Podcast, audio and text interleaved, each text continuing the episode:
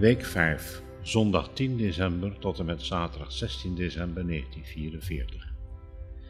Gerrit was flauwgevallen. Het zware werk en het weinige eten kon zijn lichaam niet verwerken. Hij mocht even bijkomen in een boerderij, maar daarna wachtte het werk weer. Wordt het een rustige week of loert plots het gevaar om de hoek? Ik kan geen enkele dag uitslapen. Soms heb je daar behoefte aan. Maar elke dag klinkt de roep om klokslag kwart over zes om op te staan. Je gaat natuurlijk wel aan een bepaald ritme wennen, maar soms is een dag niks doen ook wel eens lekker. Maar bij de moffen hoeven we daar niet op te rekenen, geen rust. We werken inmiddels in de buurt van het vliegveld bij Lingen. Ook rondom dit vliegveld moeten tankvallen gegraven worden. Hoeveel kilometer hebben we inmiddels al wel niet gegraven? Honderden tonnen zand en aarde hebben we al verplaatst.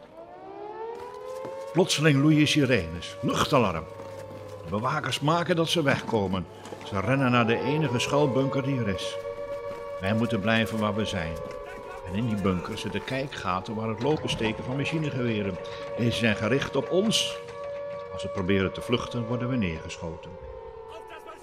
Mijn enige mogelijkheid om te schuilen is in de gegraven geul of achter een hoop zand. Hoog in de lucht cirkelt een vliegtuig. Angstig kijken we rond. Verspreiden, roept iemand. Niet bij elkaar blijven. De motor van het aanstormende vliegtuig is te horen. Het geluid wordt steeds luider. Daar is het jachtvliegtuig. De boordwapens knetteren. De piloot van het geallieerde vliegtuig schiet op alles wat beweegt. Het luchtafweerkanon op het vliegveld doet zijn werk, maar mist het doel. En mijn gedachten, mijn gedachten staan stil. Ik hoor alleen het naderende vliegtuig en het knetteren van de wapens. Ingeslagen kogels maken stofwolken. En in de verte gilt iemand. Ik graaf mijn gezicht bijna in de grond. En dan is het jachtvliegtuig weg.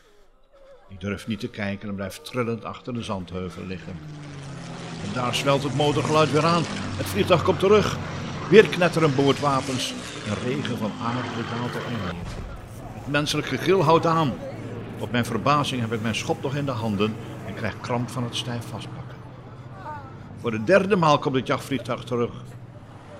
Weer word ik bedekt met aarde. Links en rechts slaan de kogels in. Een fluitend geluid, een harde tik en mijn schop vliegt uit mijn handen. Deze tuimelt door de lucht en slaat meters verder tegen de grond.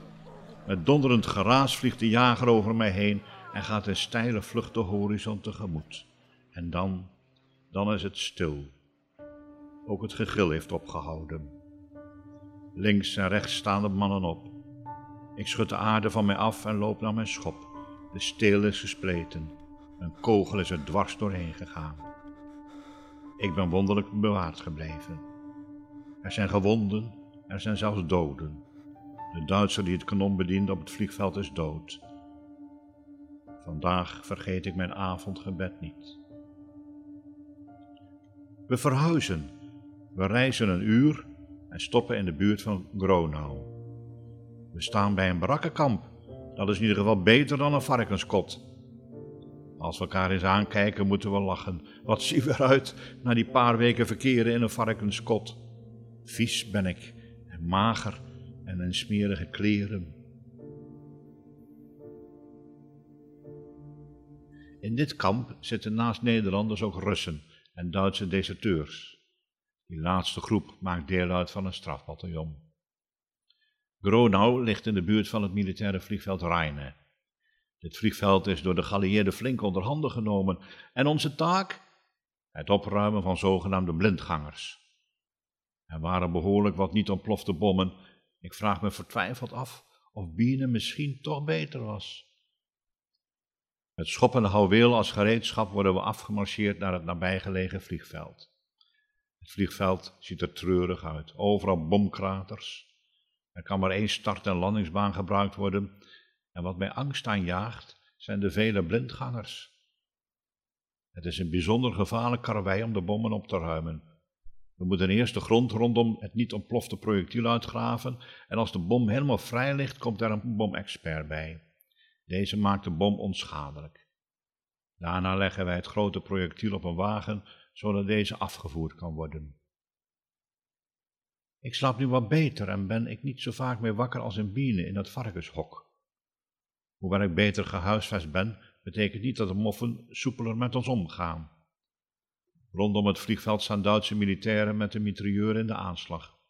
Ik hoor van mannen die hier al langer zitten dat deze op de dwangarbeiders, op ons dus, schieten als deze een schuilplaats proberen te zoeken bij een luchtaanval. Ik ben een schietschijf geworden van twee kanten, van een overvliegend geallieerd jachtvliegtuig en van de Duitse mitrailleur. Hoop doet leven, een spreekwoord wat ik natuurlijk al heel lang ken, maar nu ondervind ik wat het inhoudt. Ik hoop zoveel dingen nu ik hier zit. Ik hoop op lichter werk. Ik hoop op geen beschietingen. Ik hoop op verlies van Duitsland. Ik hoop op bevrijding. Ik hoop op een veilige terugkeer naar de bult, naar Urk. Ik hoop langer te leven dan mijn 21 jaren. Ik hoop mijn Tini spoedig weer te zien. En al die hoop houdt me op de been. Hoop doet leven, werkelijk.